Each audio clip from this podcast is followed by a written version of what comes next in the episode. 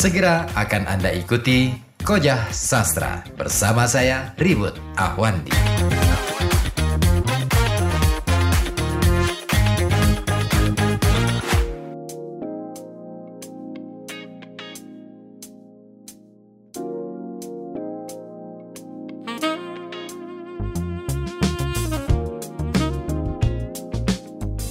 Koja Sastra masih akan saya kawal sampai pukul 21.00 nanti. Dan masih dilanjut ya, pembacaan isai karya Maman Esmayana yang bertajuk Tradisi Kepengarangan.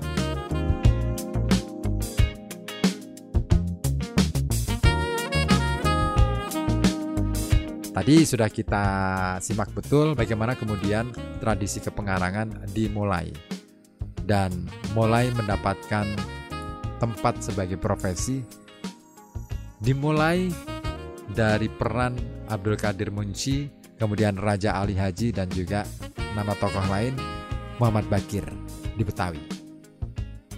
Nah, dalam perkembangannya kemudian kepengarangan sebagai profesi ini mendapatkan tempat ketika Belanda pada waktu itu mendirikan Komisi Bacaan Rakyat di tahun 1908 yang kemudian berubah nama menjadi Balai Pustaka di tahun 1917. Oke, kita lanjut untuk bagian berikutnya, kawan. Ya, mengingat peranan alat cetak sangat besar, artinya bagi penerbitan karya-karya sastra, maka profesi sastrawan menuntut adanya syarat-syarat tertentu. Ada syarat dan tuntutan yang tidak tertulis yang memungkinkan seseorang dapat memasuki profesi kesusastraan.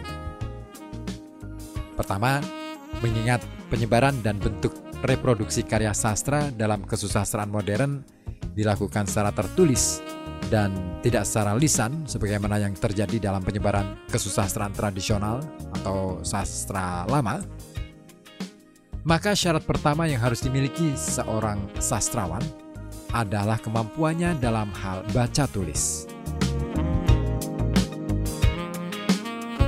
Seseorang yang berbakat, bekerja, dan mahir sebagai tukang cerita belum tentu menjadi seorang sastrawan yang berkualitas jika ia tidak menguasai baca tulis. Jadi, syarat pertama yang harus dimiliki sastrawan, terutama di zaman modern, adalah penguasaan membaca dan menulis. Kedua, penguasaan membaca dan menulis bagi sastrawan sesungguhnya hanya sebagai syarat awal. Syarat dan tuntutan yang juga harus dimiliki adalah kemampuannya melakukan rekreasi, yaitu menciptakan kembali kehidupan yang sebenarnya ke dalam dunia kata-kata. Bahasa dimanfaatkan sebagai alat atau media untuk membangun sebuah dunia imajinatif, dunia rekaan. Oleh karena itu, ia juga tidak hanya harus menguasai bahan cerita, tetapi juga harus dapat mengolah bahan itu dan mengungkapkannya dengan bahasa yang khas dan mempesona, sehingga mampu menarik, memikat, dan bahkan menyihir pembaca. Dalam hal ini, penguasaan bahasa dan kemampuan melakukan pilihan kata atau diksi merupakan hal yang mutlak dimiliki seorang sastrawan.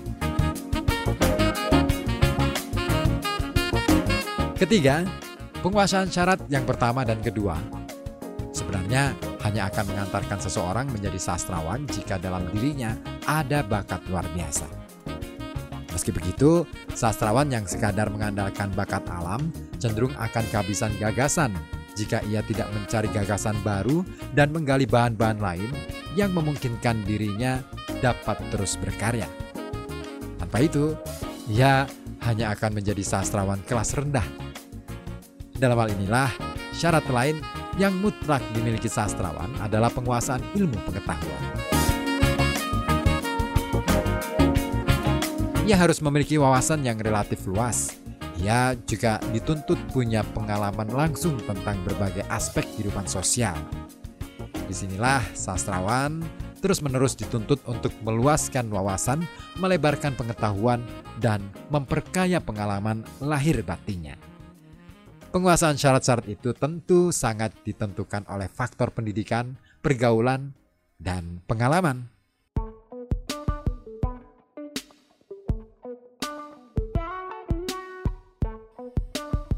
Dengan begitu, pendidikan, pergaulan, dan pengalaman bagi profesi sastrawan merupakan faktor penting dan menentukan keberhasilan seseorang yang menempatkan profesi sastrawan sebagai pekerjaan.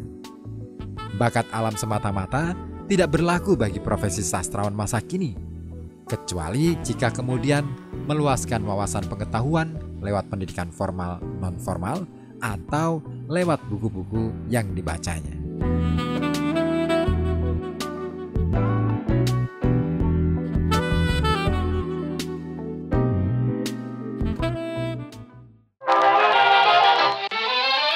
Sastra.